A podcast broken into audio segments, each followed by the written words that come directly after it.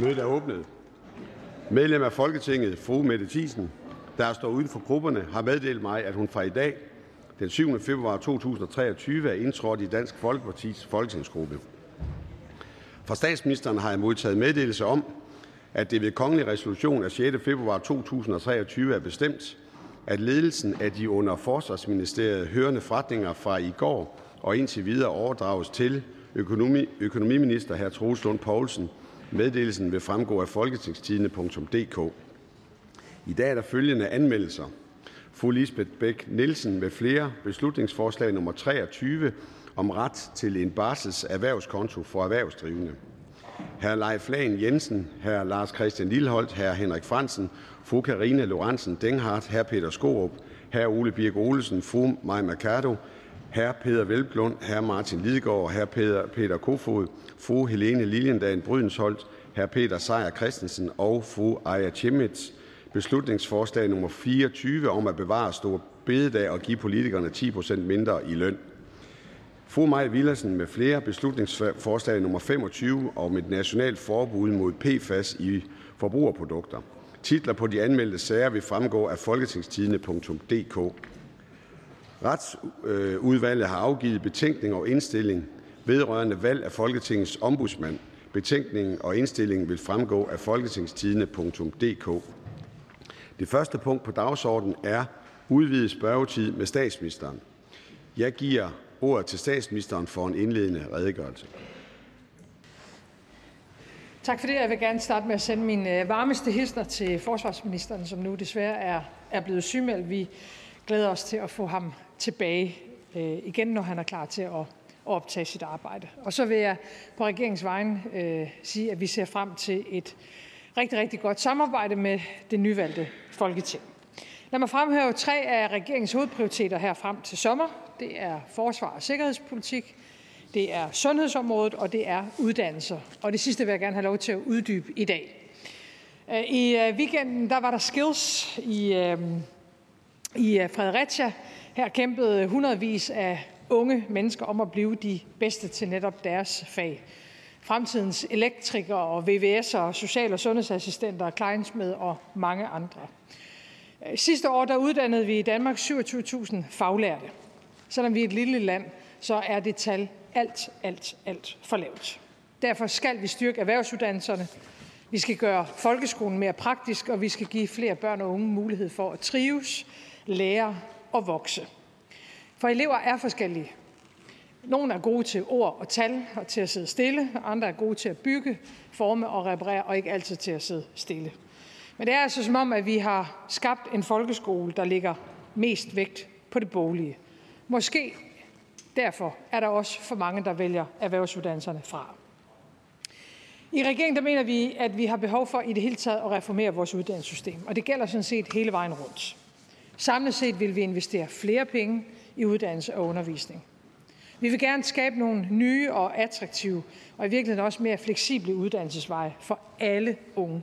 Også de alt for mange, der slet ikke er i gang med en uddannelse. Jeg tror, vi på mange måder tænker uddannelse lidt for gammeldags i Danmark. Vi har behov for at tænke uddannelse som noget, der foregår igennem hele vores liv og vores arbejdsliv.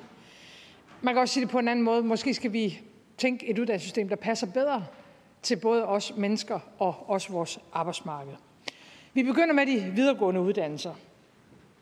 En gang, for ikke så mange år siden, der var universiteterne i Danmark for de få. Især for dem, der skulle specialisere sig og måske forske. Men i dag er universiteterne blevet en uddannelsesvej for rigtig, rigtig mange.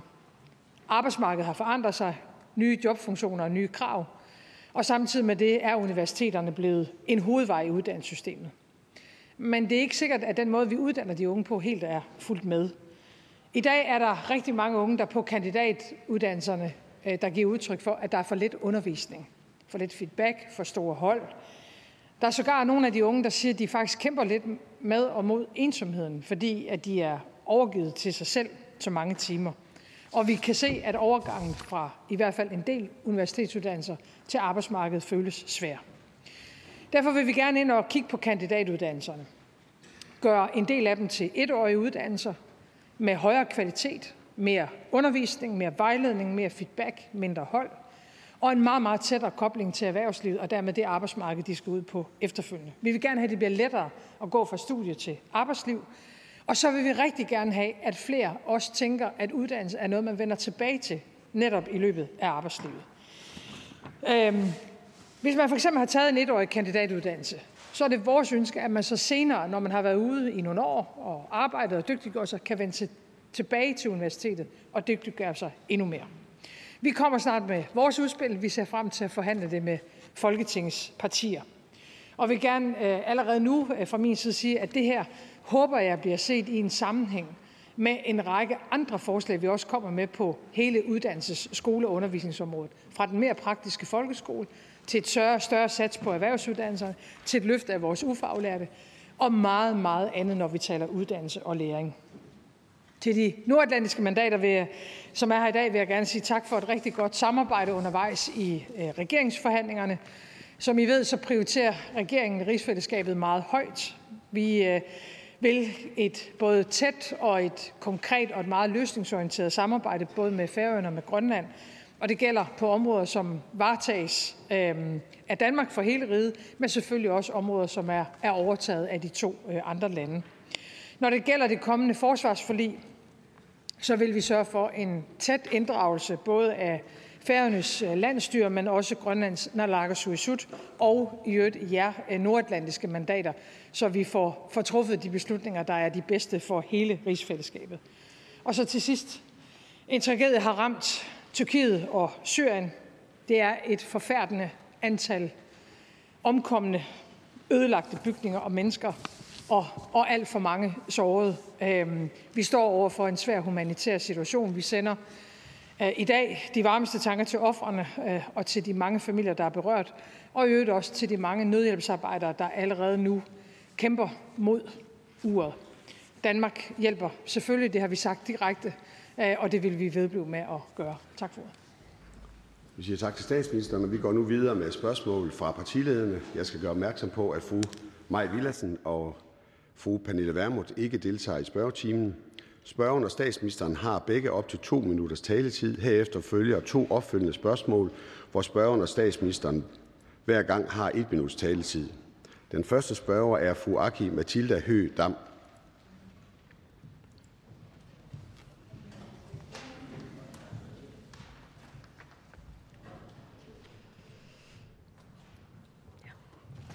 Tak. I forbindelse med finanslovsforhandlingerne tilbage i 2020 fik Siumut afsat midler til en undersøgelse, som havde til opgave at belyse anbringelser af grønlandske børn i Danmark.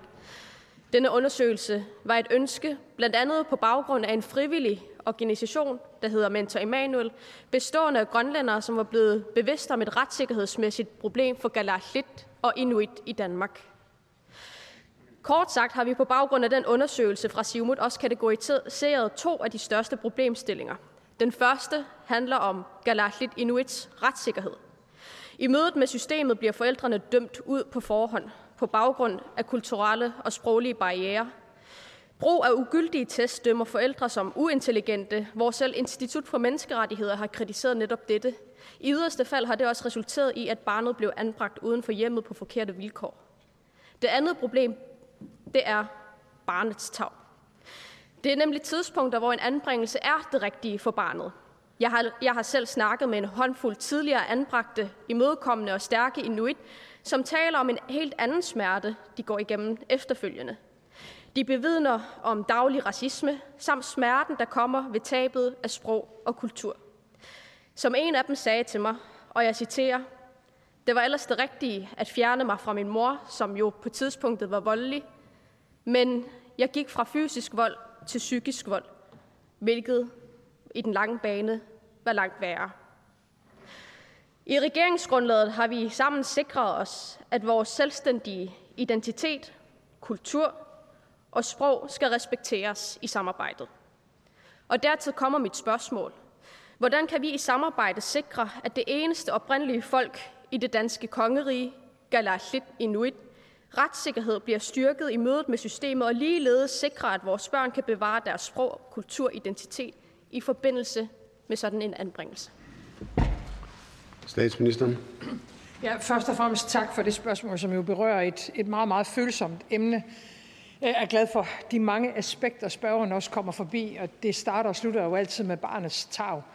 Øh, og der vil selvfølgelig være øh, situationer, hvor et, et, øh, et barn øh, bosiddende i Danmark med grønlandske rødder har behov for at blive anbragt uden for hjemmet, fordi mor eller far eller begge ikke kan varetage barnets interesser og, og drage den omsorg, som barnet har behov for. Og der er det selvfølgelig vigtigt, at der så er et, et særligt fokus på de omstændigheder, der kan være omkring sprog. Øh, øh, og i enhver anbringelse, så skal man jo altid søge et godt samarbejde med forældrene, også selvom forældre og øh, de sociale myndigheder, der er omkring barnet, ikke nødvendigvis er enige. Øh, men derfor skal man selvfølgelig stadigvæk søge det gode samarbejde. Så jeg synes, det er, det er rigtigt at have fokus på det her område. Øh, og der er, øh, der er børn i Danmark, som er særligt udsatte og som har behov for en helt, helt særlig hjælp. Så tak for at bringe området op, og jeg ved, at Socialministeren også er opmærksom på problemstillingen. Mm. Spørgen. Jamen, tak til statsministeren for, for svaret. Det er jo således, at øh, de grønlandske folketingsmedlemmer, vi har adskillige gange også bragt denne problematik op til både den derværende socialminister og den nuværende. Det er også således, at øh, et af de tiltag, man, man har forsøgt at få etableret fra den tidligere socialminister, det var, at man sendte et brev ud til alle kommuner i Danmark, netop for at belyse, at i det retssikkerheden netop ikke bliver opfyldt, hvis det er, der er sproglige og kulturelle barriere, så har for eksempel den enkelte forældre ret til en tolk, trods man er dansk statsborger og på papir egentlig burde være integreret. Øh, det er jo ikke engang nok nogle gange med, med tolk, men det er en rettighed, som man ikke bare burde kunne sige nej til. Alligevel ser vi adskillige gange, at det stadig bliver sagt, at det kan man ikke Øh, det kan man slet ikke få, få etableret. Så vil statsministeren være villig til at tilrette den nationale lovgivning, således man måske kunne sikre retssikkerheden for Galatlit og Inuit i Danmark, både kulturelt og sprogligt, blev mere taget højde for? Statsministeren. Ja, det synes jeg er et svært spørgsmål at svare på, fordi jeg kender ikke helt konsekvensen deraf, og jeg ved jo også, at jeg har selv arbejdet med socialpolitik igennem mange år, der kan opstå meget forskellige situationer, og selvfølgelig er der forskel på et forløb, hvor man er igennem øh, en paragraf 50-undersøgelse eksempelvis øh, omkring barnet, man er inde i et, et længere samarbejde, der skal man jo selvfølgelig efterstræbe, at samarbejdet foregår på de bedste præmisser. Men der kan også opstå en helt akut situation, hvor barnet er i, altså er i risiko for at lide overlast, overgreb, vold, øh, alkoholmisbrug og andre. Der er det jo ikke sikkert, at man lige har en, en tolk tilgængelig på det tidspunkt, hvor politi eller sociale myndigheder, det vil jo være et samarbejde, rykker ud for at hjælpe barnet. Så det kan jeg ikke, det kan jeg ikke svare på, på på stående fod, men jeg kan give den tilkendegivelse, at det er klart, at, øh, at herboende grønlændere, som ikke øh, taler det danske sprog, af den ene eller den anden årsag, og hvor, der, hvor man er i et møde med de sociale myndigheder omkring børnene, der skal man jo efterstræbe et så godt samarbejde som overhovedet muligt, og det fordrer også et fokus på, på sproget. Men jeg er ikke sikker på, at man vil kunne leve op til det i alle givende situationer. Spørgeren. Øhm, tak til statsministeren. Og statsministeren nævnte netop også selv, at der måske kunne være noget med det under Socialministeriet. Det er jo også således, at, øh, at finanslovsforhandlingerne på tværs af ministerierne og de diverse reserver langsomt også er begyndt at blive øh, diskuteret, hvor iblandt at øh, de nordatlantiske mandater også er blevet inviteret endnu en gang til drøftelser om reserven inden for socialområdet, hvilket også er en positiv ting. Det er jo blandt andet på den måde, at trods vi sidder der som observatører, observatør, har været med til at få sikret midler til både børn og unge i socialt udsatte positioner, hjemløse grønlændere med mere. Øh, og det står jo også i regeringsgrundlaget, at vi skal inddrages så meget som overhovedet muligt i forbindelse med finanslovsforhandlinger, der har til mente om Grønland. Det er således, at vi endnu ikke er blevet inviteret, eller i hvert fald ragt ud, at der vil komme nogle forhandlinger på andre ministerielle områder i forhold til finanslovsforhandlingerne. Er det noget, som statsministeren øh, stadig holder op på, og hvordan vil man i så fald sikre sig, at vi overholder regeringsgrundlaget, og vi så faktisk også bliver inddraget i andre ministerielle regi i forhold til finansloven? Statsministeren får en afsluttende bemærkning på spørgsmålet. Ja, tak for det. Jeg vil sige, at finanslovsforhandlingerne er jo ikke gået i gang, øh, og regeringen har slet ikke fremlagt sit finanslovsforslag for indeværende år endnu, og vi vil selvfølgelig meget gerne være opmærksom på tværs af ministerområderne, der hvor, hvor der skal være et samarbejde, også med de nordatlantiske mandater. Så ja, det vil vi være opmærksom på. Og må jeg så ikke, mens jeg lige har ord at sige, altså det, det, der også bliver sagt i spørgsmålet her, det er jo den racisme, som en del grønlændere oplever i Danmark, øh, og det rammer selvfølgelig børn meget, meget hårdere, end det rammer voksne, men det er jo en uskik i det hele taget. Øh, og der har vi en fælles opgave føler mig også selv forpligtet øh, til øh, at sikre, at, at ligegyldigt hvem man er i vores rigsfællesskab, og ligegyldigt hvor man bor, så skal man behandles ordentligt og respektfuldt. Og på mig gør det også ondt, når jeg hører for eksempel unge grønlændere fortælle, at et efterskoleår er blevet ødelagt, fordi der har været racisme, eller man ikke er blevet taget godt imod på en uddannelsesinstitution, eller i øvrigt i ungdomslivet i Danmark. Så her er der noget, vi skal sætte ind over for vi siger tak til fru Aki Mathilde Høgh Damp og går videre til den næste spørgerække, og det er fru Aya Chimnitz.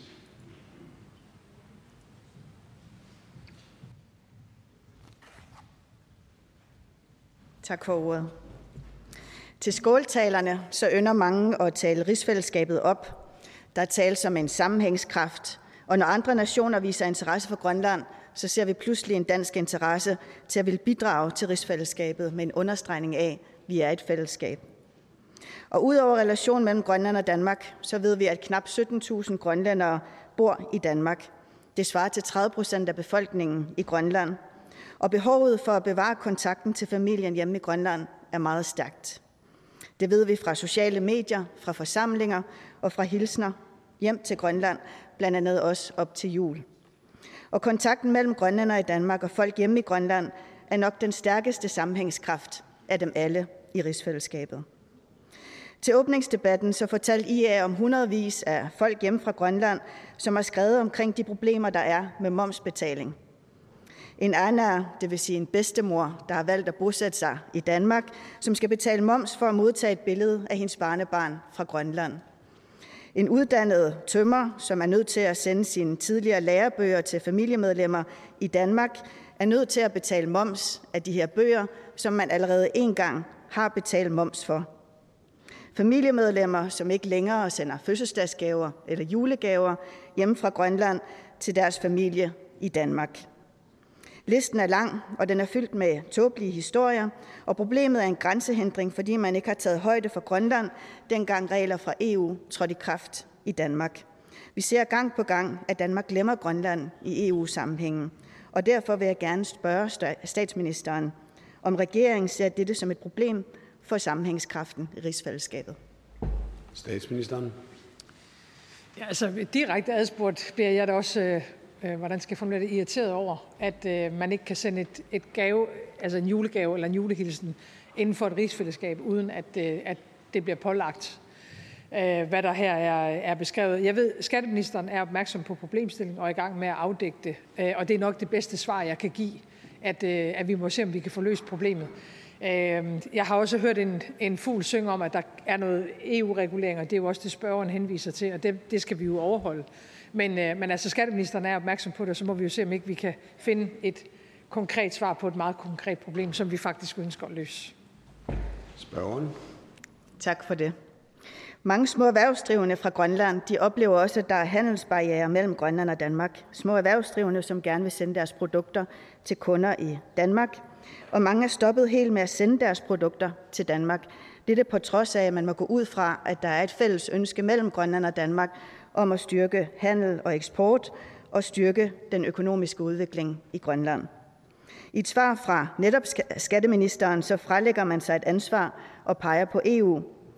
Det er lidt fornemt, at man bare sætter hænderne i vejret fra regeringens side og siger, at det er EU, fordi Danmark er jo netop medlemsland af EU. Og Grønland har jo til, til med også en stærkere tilknytning til EU, fordi vi er et OLT-land. Så der er jo mange forskellige løsningsmuligheder, man godt kunne søge. Danmark har mange frihandelsaftaler rundt omkring ude i verden. Det er også en del af den åbne økonomi, som Danmark har. Og derfor vil jeg spørge statsministeren som minister for rigsfællesskabet, om man vil anerkende, at vi skal arbejde for, at der også er frihandel i rigsfællesskabet med henblik på at fremme erhvervsudvikling i Grønland. Statsministeren. Altså, jeg, tror, jeg tror ikke, der er nogen øh, i regeringen, der sådan, øh, forsøger at frelægge sig et ansvar på det her område med henvisning til EU, men, men når en minister bliver spurgt, hvad det er, der gør, at reglerne er som de er, så skal man jo svare øh, på det, og hvis det er EU-regulering, så er det EU-regulering. Det betyder jo ikke, at, at regeringen ikke øh, i øvrigt i samarbejde med nordatlantiske mandater her i Folketinget, så kan søge, om vi kan få det ændret. Øh, men, men jeg synes, der er lidt, jeg synes ikke helt, man kan angribe en minister for at svare øh, på det faktuelle, hvorfor tingene er, som de er. Øh, men, men jeg vil da gerne have en større smidighed på det her område, derfor bliver svaret nok også lidt som før, at øh, det er jo skatteministeren, der, der er den ressortansvarlige minister, og ikke, og ikke mig som statsminister, men jeg synes, det er en, en relevant problemstilling, og, og regeringens holdning er jo sådan mere generelt, at alt, hvad der måtte være af hindringer for, at vi har et godt og velfungerende, smidigt og hverdagsnært rigsfællesskab, ja, det vil vi altid gerne se, om ikke vi kan, om vi, om ikke vi kan udfordre og gøre noget ved. Så tilsavnet er det samme, at det vil vi gerne kigge videre på. Spørgeren. Tak. Problemstillingen er også blevet anmeldt som en grænsehindring, og der er blevet stillet et nyt spørgsmål til ministeren, så der bliver fuldt op herfra. Noget andet, som vi ved, som statsministeren også er med til, det er jo rigsmøderne. Og her drøftes stort og småt, og vi ved også, at listen med grænsehindringer den vokser sig desværre længere og længere, fordi der bliver anmeldt flere og flere ting. I regeringsgrundlaget har regeringen en målsætning om, at der skal skabes et tværgående overblik over det udstående lovarbejde og de grænsehindringer, som der skal løses i fællesskab mellem Grønland og Danmark og Færøerne. Men oplevelsen er, at der kommer flere og flere ting på listen, i virkeligheden hurtigere, end man får løst de ting, der er kommet på listen, altså de grænsehindringer. Og i det her konkrete tilfælde, der kunne det jo godt være en oplysningskampagne sammen med tolvvejledningen. Det kunne også godt være, at Danmark tog fat i EU øh, for at finde en, en løsning omkring det her med frihandel. Så derfor vil jeg høre, hvad vil regeringen gøre for at forebygge nye grænsehindringer og løse de eksisterende grænsehindringer mellem Grønland og Danmark? Statsministeren for en afsluttende bemærkning på spørgsmålet. Jeg tror i virkeligheden, det vigtigste i den her sammenhæng, det er jo vores fælles opmærksomhed omkring det. Og derfor er det, øh, derfor er det rigtigt, hvad enten det er store øh, forhindringer, eller det er små forhindringer, at de ansvarlige minister, fordi det vil være på forskellige områder, får det at vide og, og kan lave så målrettet en indsats som overhovedet muligt. Og så kan man sige helt generelt, øh, synes jeg jo, det er et ansvar for alle regeringsministre, men også Folketinget, når vi lovgiver, at have et øje på, kan det her have en en negativ konsekvens for rigsfællesskabet? Altså er der noget, man ikke er opmærksom på, når man i øvrigt sidder og, og enten og forbereder en lovgivning, eller vedtager en lovgivning, eller følger op på en lovgivning? Så vores fælles opmærksomhed tror jeg i virkeligheden er vores bedste våben. Der er i hvert fald et tilsavn fra regeringen om, at vi gerne vil være med til at løse de problemer, der er. Og vi siger tak til fru Aya Chemnitz og går videre i spørgerækken. Jeg giver ordet til fru Anna Falkenberg. Tak for ordet.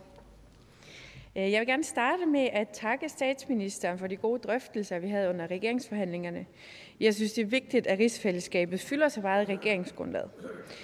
Det er også efter min mening af stor betydning, at ambitionerne om øh, yderligere inddragelse af de nordatlantiske mandater og de respektive regeringer på Færøerne og Grønland er centralt i regeringsgrundlaget. Det bekræftede statsministeren også med den indledende bemærkning, så tak for det.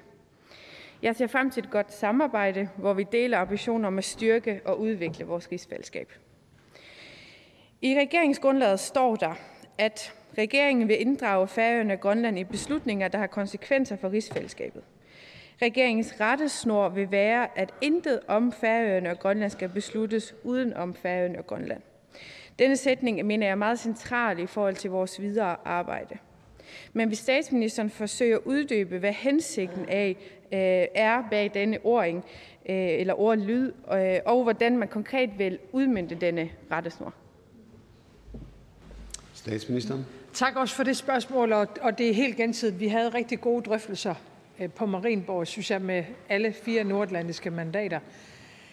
Og når vi skriver, som vi gør i regeringsgrundlaget, så er det jo for os at sende et meget, meget klart signal fra vores side om, at den ligeværdighed og den respekt, vi mener skal være mellem de tre parter, i rigsfællesskabet, er det, der skal gennemsyre vores samarbejde. Øh, et af de områder, hvor det er helt åbenbart, at vi har behov for et meget, meget tættere samarbejde, det er jo på forsvars-, udenrigs- og sikkerhedspolitikken, fordi verden øh, flytter sig. Krigen er kommet tilbage til vores eget kontinent, et stadig mere aggressivt Rusland, øh, et, et område, altså hele Arktis, der forandrer sig, og som får øh, en helt anden global interesse og potentielle modsætninger i sig gør jo, at vi har behov for at fortætte vores samarbejde. Det har vi gjort med kontaktudvalget under den tidligere øh, socialdemokratiske regering. Det var et samarbejde, der fungerede rigtig godt, og det har vi bekræftet med hinanden. Vi ønsker at fortsætte, selvom der nu er skiftet øh, regeringer i alle tre, i alle tre lande, øh, og, øh, og vælgerne har, har talt. Øh, så så øh, det er jo en... Øh, det er jo i virkeligheden en tilkendegivelse af, hvordan vi værdimæssigt som regering ser på rigsfællesskabet. Vi ønsker, at det skal være ligeværdigt, ordentligt og respektfuldt, og derfor skal Folketinget ikke sidde og træffe beslutninger om noget, der vedrører Grønland og Færøerne, uden at det er som en del af vores samarbejde. Spørger. Tak for svaret, og jeg deler statsministerens betragtning om, at det er vigtigt at have Færøerne og Grønland med i alle beslutninger, der bliver truffet både regeringerne, men også os nordatlantiske mandater, for det er her mange af de beslutninger, der bliver truffet, der påvirker Færøerne og Grønland direkte. Så det, tak for det svar. Det er ikke nogen hemmelighed, at Sambandspartiet øh, og jeg ønsker en fornyet handelsaftale med EU, øh, således at Færøerne i højere grad kan eksportere færdigbehandlede madvarer til det europæiske marked, øh, som for eksempelvis færdigproduceret makrel. Øh, og jeg kunne derfor tænke mig at høre, eftersom at statsministeren også selv har givet udtryk for at kunne lide makralmadder, hvad statsministeren mener øh, er nødvendigheden øh, for en ny handelsaftale mellem Færøerne og EU. Statsministeren. Ja, først og fremmest må I ikke sælge alle makrallerne til andre. Uh, vi vil også gerne have det i, i Danmark. Nej. Uh, spøj til side. Jeg tror aldrig, jeg har fået et spørgsmål om makrall i Folketingssal, men jeg har godt nok fået det mange andre steder. Jeg er til stadigvæk fuld af forundring over, uh, hvor mange danskere, der ikke spiser makrel i tomat. Men så er det godt, at vi har et rigsfællesskab, hvor man forstår værdien af den, øh, den her spise. Jeg er fuldstændig enig. Vi har behov for at knytte øh, Færøerne meget, meget tættere på EU. Og det er vi i fuld gang med. Det gælder på handsområdet, men det gælder også i en række andre hensener. Øh, og så sent som i går havde jeg øh, en øh, videokonference med den svenske statsminister, som er formandskabsland for EU lige nu, hvor vi også diskuterede øh, altså det, det nye EU-format med samarbejde med, med flere lande og flere partnere til EU. Så det er jeg meget, meget optaget af, og ikke mindst på handelsområdet. Af mange årsager har vi en interesse i at få koblet Færøerne meget, meget tættere på EU, så det er der, det er der fuld opbakning til i den danske regering. Spørgeren. Tak for svaret. Øh, og, og grunden til, at jeg også spørger, er, fordi at den makrel, der faktisk bliver spist her, den, den bliver ikke eksporteret fra Færøerne eller importeret fra Færøerne. Og det bliver den jo, fordi vi ikke har mulighed for at eksportere til et EU-land øh, færdigproduceret makrel, som jo, øh, som jo makrel i dås er. Det er derfor, jeg, jeg lavede lidt den reference.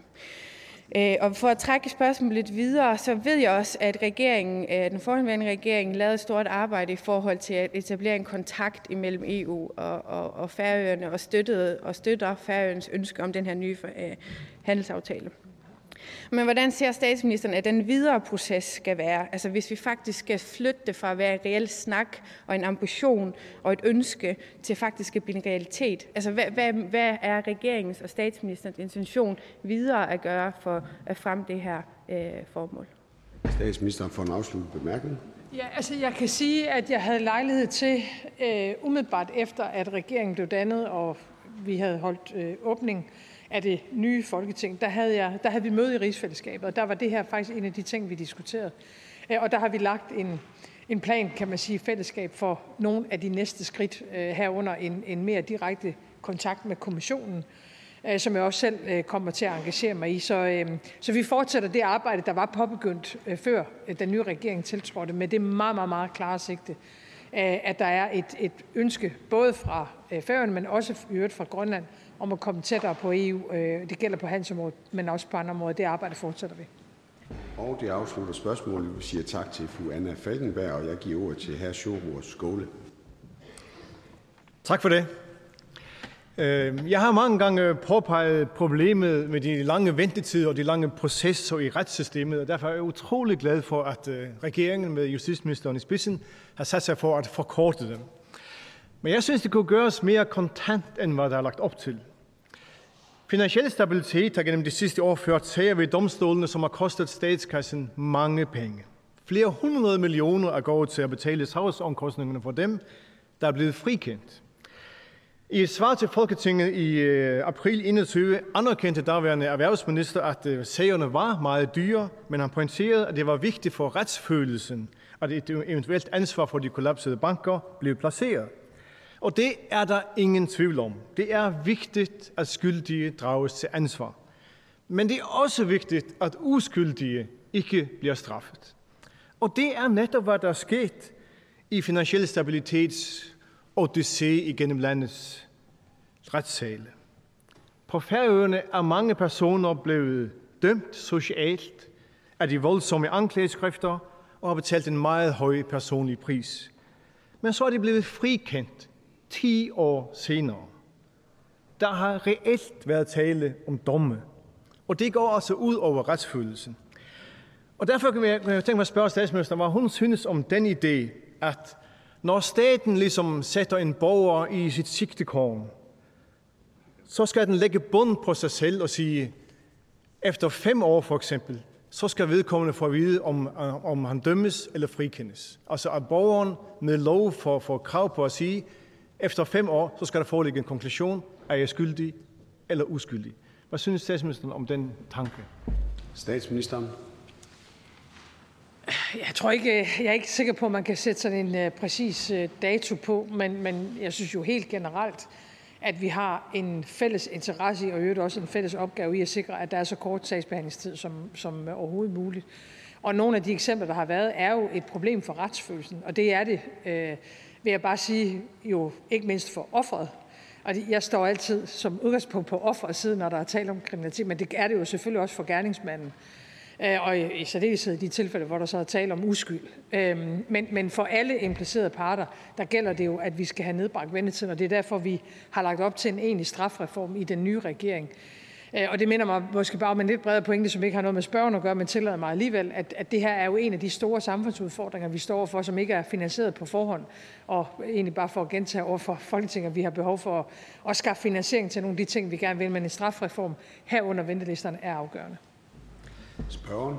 Ja, mange tak for det svar. Jeg er selvfølgelig meget enig. Øh, der er jo også eksempler på unge mennesker, som, øh, som bliver for, for nogle meget milde domme, men ventetiden efter dommen, den tid, de lever i limbo, har været fortale for dem.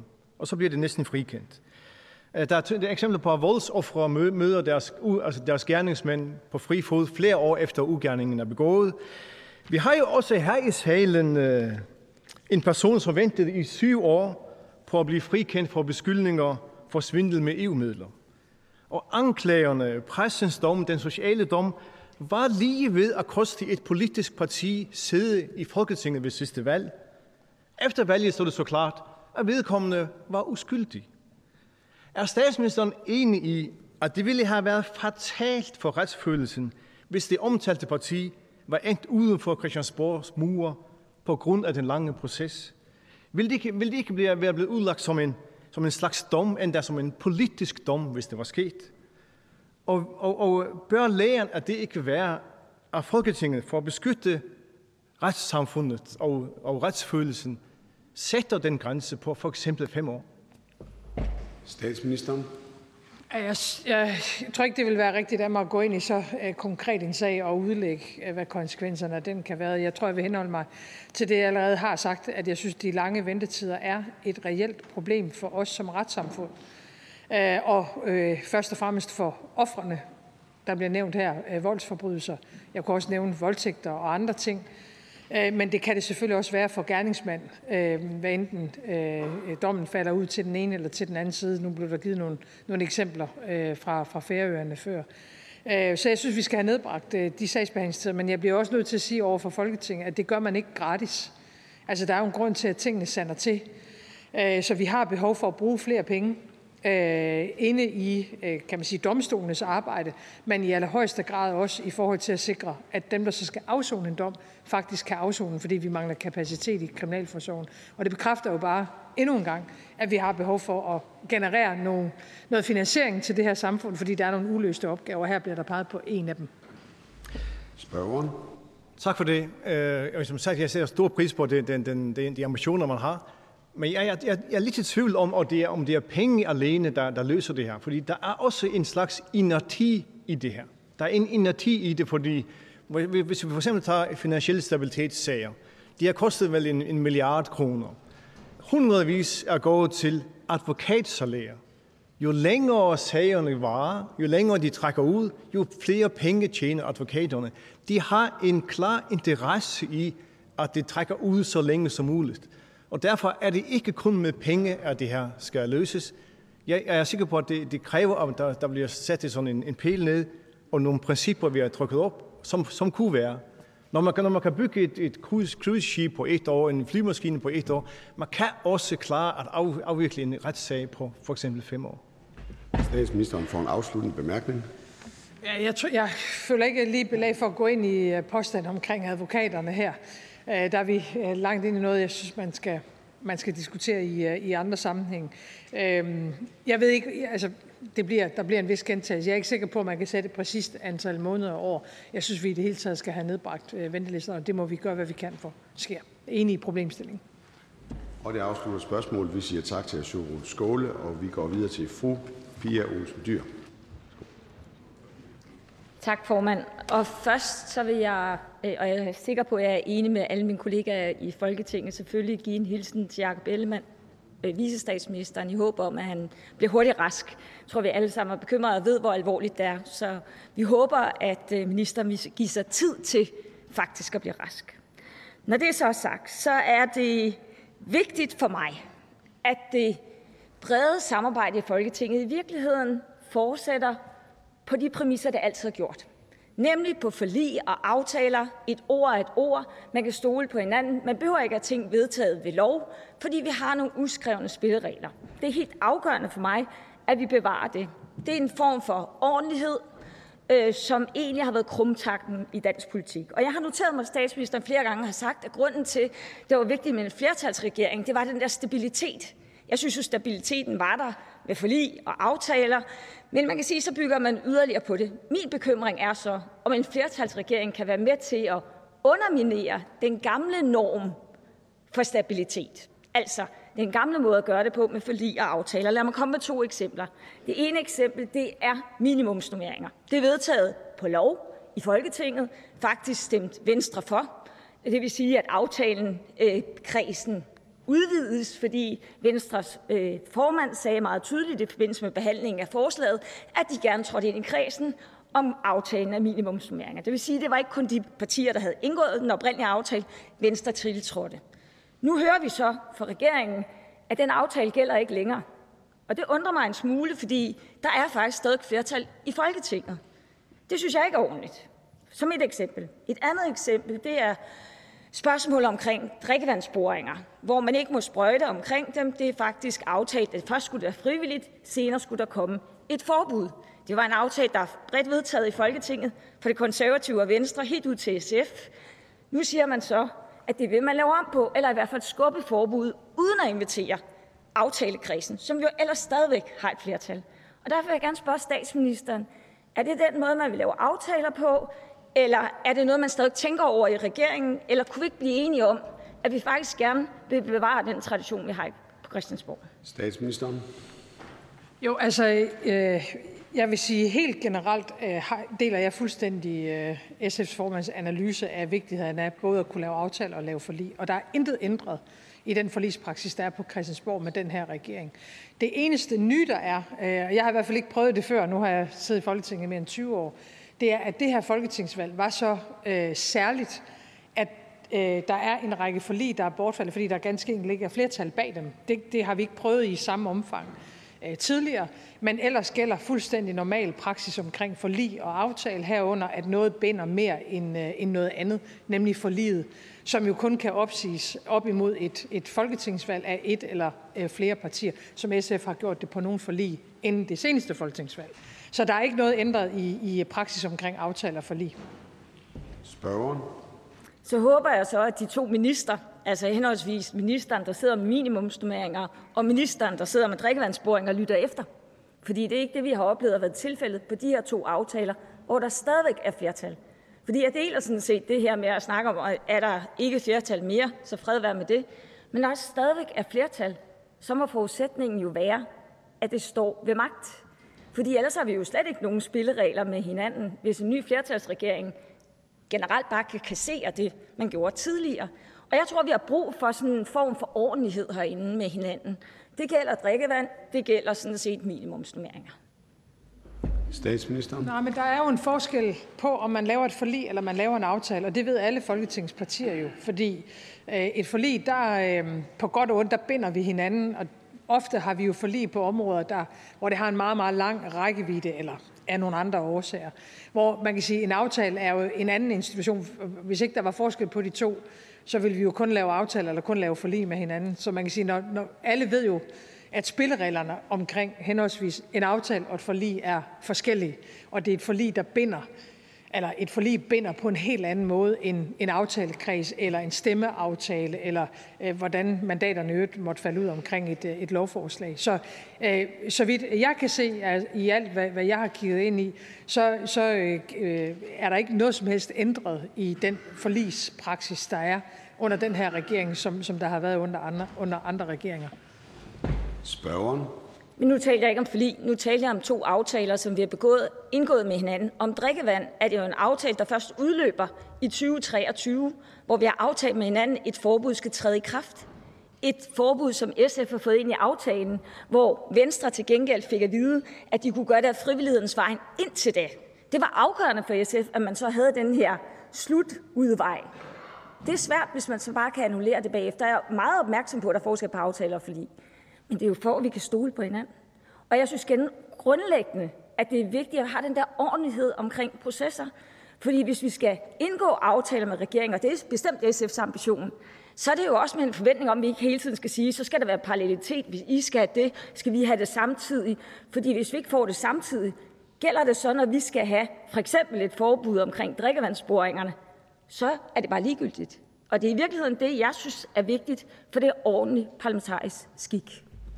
Statsministeren får en afsluttende bemærkning. Ja, altså jeg, jeg ved af god grund ikke, hvad det er, man har aftalt i nogle forskellige aftalesammenhæng, hvor jeg ikke selv øh, har været til stede. Men jeg kan sige, at den aftale og forlispraksis, der har været gældende på Christiansborg under tidligere regeringer, det gælder også under Øh, den her regering. Øhm, og det gælder jo i alle sammenhæng, altså hvad enten det er folkeskoleforliget, eller det er på drikkevand, eller det er, det er på noget tredje. Men hvordan man så præcis har, har snakket om det i en aftalekreds, det tør jeg ikke sige, men det er et forlig. Altså det, der, det, der gør, at det er et forlig, det, der binder man hinanden, og der ved man, at det skal opsiges forud for et, et folketingsvalg. Og det er selvfølgelig vigtigt, at den praksis fortsætter. Og vi siger tak til fru Pia Olsen Dyr. Jeg giver nu ordet til fru Inger Støjberg. Tak for det. Hvis der er noget, der ligger Danmarksdemokraterne og mig på sinde, så er det jo som bekendt øh, udlændingepolitikken. Øh, og jeg var også øh, derfor meget stolt af, da jeg som udlændingeminister og i den daværende regering jo gennemførte paradigmeskiftet i øvrigt med socialdemokratiske stemmer. Og jeg ved også, at netop den midlertidige ophold, altså det, at man kun er her, så længe man har brug for vores beskyttelse, og derefter så skal rejse hjem igen, er noget af det, der i øvrigt også ligger statsministeren øh, personligt meget på sinde. Derfor så blev jeg også meget bekymret, da jeg så øh, regeringsgrundlaget, fordi hvis man slår op på side 45, det er gemt godt væk, der står der, regeringen vil håndtere det problem, vi har set den seneste tid med unge kvinder fra Syrien, der har mistet deres opholdstilladelse, til trods for, at de har vist, at de vil Danmark. Derfor vil regeringen give ret til fortsat ophold for visse udlændinge, som uddanner sig inden for områder, hvor der er mangel på arbejdskraft. Og når det bekymrer mig, så er det selvfølgelig fordi, hvis man oversætter det, der står, så er det jo, at man har en adgangsbillet til at blive i Danmark, hvis man går i gang med at uddanne sig til det rigtige. Hvad så end det rigtige er, fordi det er slet ikke defineret. Altså man køber sig, kan man sige, af bagvejen en adgangsbillet til at blive her, hvor man egentlig var i en situation, hvor man skulle rejse hjem og selvfølgelig genopbygge sit land med de kompetencer, som man jo har fået med sig fra Danmark. Og derfor så er mit spørgsmål øh, til statsministeren, øh, hvordan, altså for det første, hvordan man har tænkt sig at føre det her ud i livet, og hvorfor man frafalder den aftale, nu er vi lidt tilbage til det med aftaler og forlig, en aftale, som der jo er et bredt flertal i Folketinget om, at vi beskytter folk lige så længe, som de har behov for vores beskyttelse, men man skal ikke optage pladsen for en, som ellers har behov for beskyttelsen, og derfor skal man selvfølgelig rejse hjem og bygge sit land op igen. Statsministeren. Ja, den ansvarlige minister sidder selvfølgelig og, og kigger på det her, så jeg kan ikke redegøre for øh, i, i detaljen, hvad det er for nogle præcise overvejelser, man gør sig. Der er i mine øjne udtryk øh, for en, en relativt øh, lille afgrænset gruppe, øh, hvor jeg tror, man kan finde en, en løsning, som er også til gode for det danske samfund. Og det betyder selvfølgelig også, at paradigmeskiftet står ved magt. I det hele taget er det at tænke flygtninge som noget, man er midlertidigt, det blev jo grundfæstet helt tilbage under den for i forrige regering er det vel efterhånden, øh, den regering, jeg selv var en del af som justitsminister, det var der, vi begyndte at arbejde med midlertidighed, øh, paragraf 7 stykke 3, øh, som så bliver fulgt op efterfølgende af øh, andre regeringer. Øh, og det er det fuldstændig afgørende og vigtigt princip, hvis man har et beskyttelsesbehov, så skal man beskyttes. I mine øjne er det jo ikke nødvendigvis i Europa i øvrigt, men gerne i nærområdet. Men i fald man kommer til Danmark, så nyder man vores beskyttelse her. Og så skal man rejse tilbage, når forholdene i hjemlandet tilsiger det, så man kan være med til at, at genopbygge sit, uh, sit hjemland. Uh, og så har vi altså set nogle helt konkrete eksempler på nogle, uh, nogle tror jeg, få syriske kvinder, som, uh, som jeg tror, vi Øh, hvor vi har brug for dem og deres arbejdskraft i, i Danmark. Men så skal vi jo finde en måde, hvor, hvor de så kommer over på nogle andre ordninger. Det er det, den ansvarlige minister er i gang med at kigge på. Spørgeren. Men finde en ordning, det lyder jo så altså uskyldigt, kan man næsten sige. Det lyder til, at det er bare lige nogle ganske få, det her handler om. Det her, det er selve fundamentet i den danske udlændingepolitik, man er ved at ødelægge ved det her. Fordi det betyder, at man kan komme til Danmark nu, så kan man blive her, hvis man begynder med at studere det rigtige, hvilket i øvrigt overhovedet ikke engang er, altså, øh, man har ikke fortalt, hvad det er for nogle uddannelser. Jeg kan forstå, at det måske er sosu-assistent og sådan nogle ting.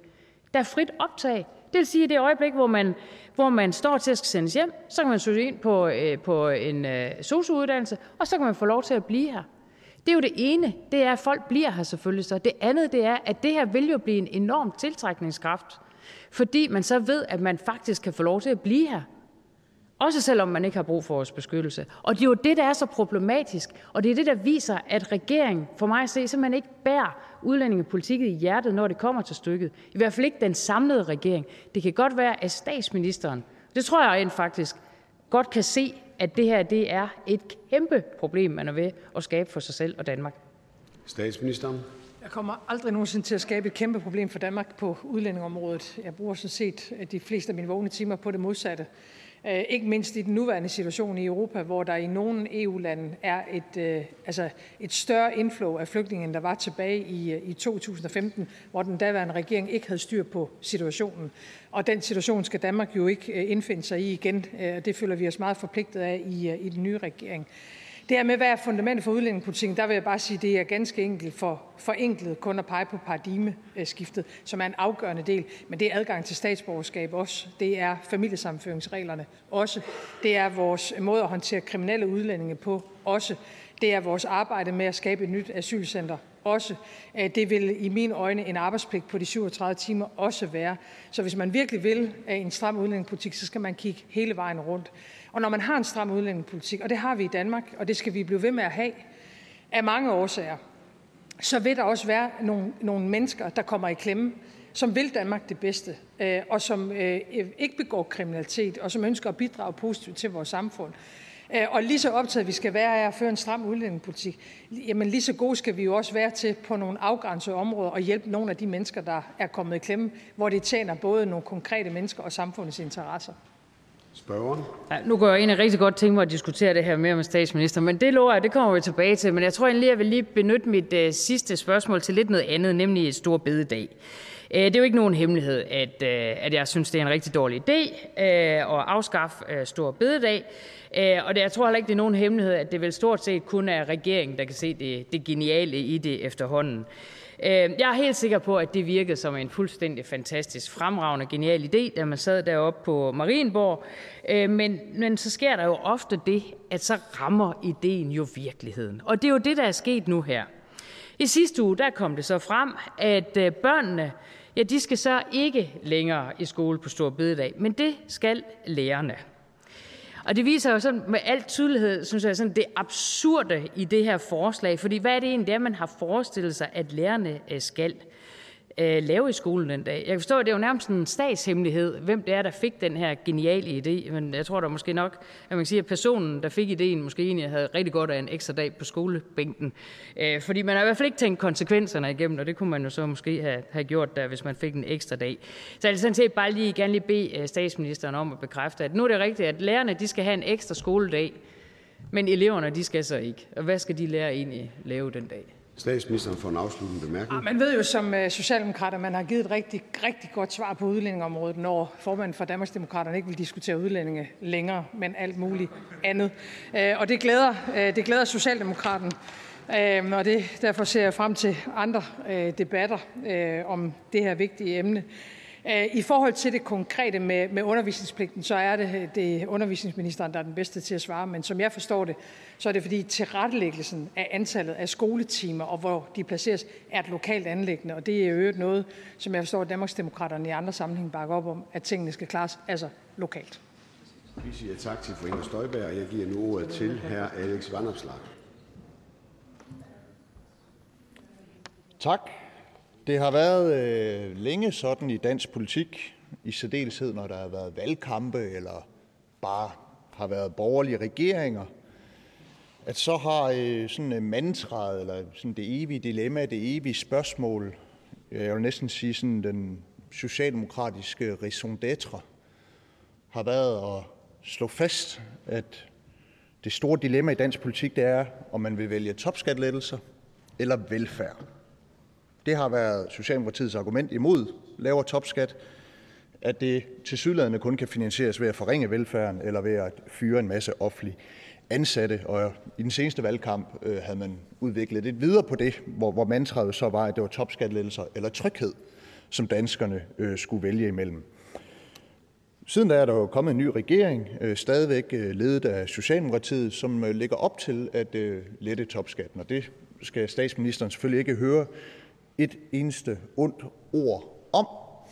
Mit spørgsmål er bare i al enkelhed: Hvem er det i den offentlige sektor, som regeringen vil afskede for at finansiere de her topskattelettelser? Statsministeren. Ja, nu bliver det jo først og fremmest spændende at se, om LA også stemmer imod det her, ligesom man gør med Stor Bededag. Altså, at man ikke længere stemmer for sin, sin egen politik, når den bliver ført ud i, i virkeligheden. Spøj til side. Altså, topskattelettelser det ved alle jo, at det er selvfølgelig ikke det, Socialdemokratiet har bragt ind øh, i forhandlingerne omkring en, øh, en ny regering. Vi kom med noget andet, nemlig øh, en ændring af beskæftigelsesfradraget, som er kan man sige, størstedelen af den skattereform, der bliver gennemført. Så var der stærkt ønske fra andre partier om en, en topskattelettelse, og så er der så ovenpå det lagt en top-top-skat. Og jeg synes, når man kigger på det samlede billede, ikke mindst et særligt fokus på enlige forsørgere, så kan jeg stå inden for den skattepolitik, øh, der ligger på bordet, som, som øh, jeg synes er, er balanceret. Øh, og derfor er, øh, altså, derfor er regeringens holdning klar på, på skatteområdet. Og, og spørger du Socialdemokratiet, nu er det jo statsministeren, der er i spørgetime, jamen så kan også Socialdemokratiet stå inden for det her, fordi det er balanceret skattepolitik. Og det er jo det, det, er jo det vi skal frem til som land. Øh, fordi hvis vi bare siger, vi kan bare hæve skatten på alle parametre, eller vi kan bare sænke den på alle parametre, jamen det bliver landet hverken dygtigere eller grønnere eller rigere af. Men hvis vi tænker os om at kombinere en ny CO2-afgift på landbrug med en skattereform, som primært har til sigte og at lette skatten for helt almindelige mennesker, der går på arbejde, med nogle andre målrettede initiativer, ja, så synes jeg, at vi samlet set får en skattepolitik, der er med til at drive landet, øh, der er med til at drive landet fremad. Så er det helt rigtigt, at den her regering lægger op til, at der skal bruges færre penge administrativt, byråkratisk øh, i vores offentlige sektor. Øhm, og selvfølgelig, hvis vi vil bruge færre penge på byråkrati, ja, så betyder det jo, at nogle af dem, der i dag bruger tid på netop by, by, byråkratiet eller på dokumentationen, ja, dem vil vi hellere have laver noget andet, blandt andet i den offentlige sektor. Spørgeren. Jamen, jeg er ikke i tvivl om, at øh, statsministeren finder øh, regeringens samlede skattepolitik for afbalanceret og noget, man kan stå på mål for, og på trods af, at andre partier har haft et ønske om topskattelettelser. Men når jeg sådan i al oprigtighed synes, det er et relevant spørgsmål, så er det, fordi det er noget, vi har hørt i overvis, at topskattelettelser og velfærd stod i modsætning til hinanden. I Socialdemokratiets seneste valgkampagne var det jo så spørgsmålet social, øh, topskattelettelser eller tryghed med den gode her Tesfaye som øh, afsender. Øh, hr. Peter Hummelgaard skrev på Twitter, at øh, vi tror på, det stærke fællesskab igen er vejen ud af krisen, mens andre partier vælger lavere topskat frem for velfærd og tryghed. Og statsministeren selv sagde i sin åbningstale i 2021, at hvis der skulle sikres kolleger nok til de opgaver, der er i sundhedsvæsenet, ja, så kræver det, at vi vælger velfærd frem for skattelettelser.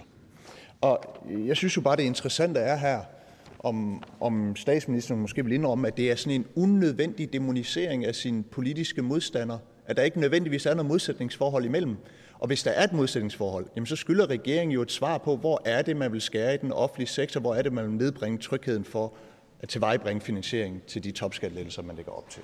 Statsministeren. Ej, nu synes jeg, det er nok lige at stramme den og kalde det en demonisering, at man har en, øh, en, en helt almindelig civiliseret debat om skattepolitik og, øh, og andet inden for vores øh, offentlige sektor. Øhm, at det vil jo altid være sådan, når man indgår i en regering, at så kan tingene ikke se ud en til en som det, man gik til valg på. Og derfor kan man jo finde jeg skulle til at sige hundredvis, men jeg lader mig bare smide flere satonger ind på bordet. Altså, man kan jo finde tusindvis af citater fra de tre partier, som på forskellige områder vil afvige fra det, der så er det endelige resultat af nogle regeringsforhandlinger. Men jeg skulle til at sige, altså det er, sådan er et folkestyre jo.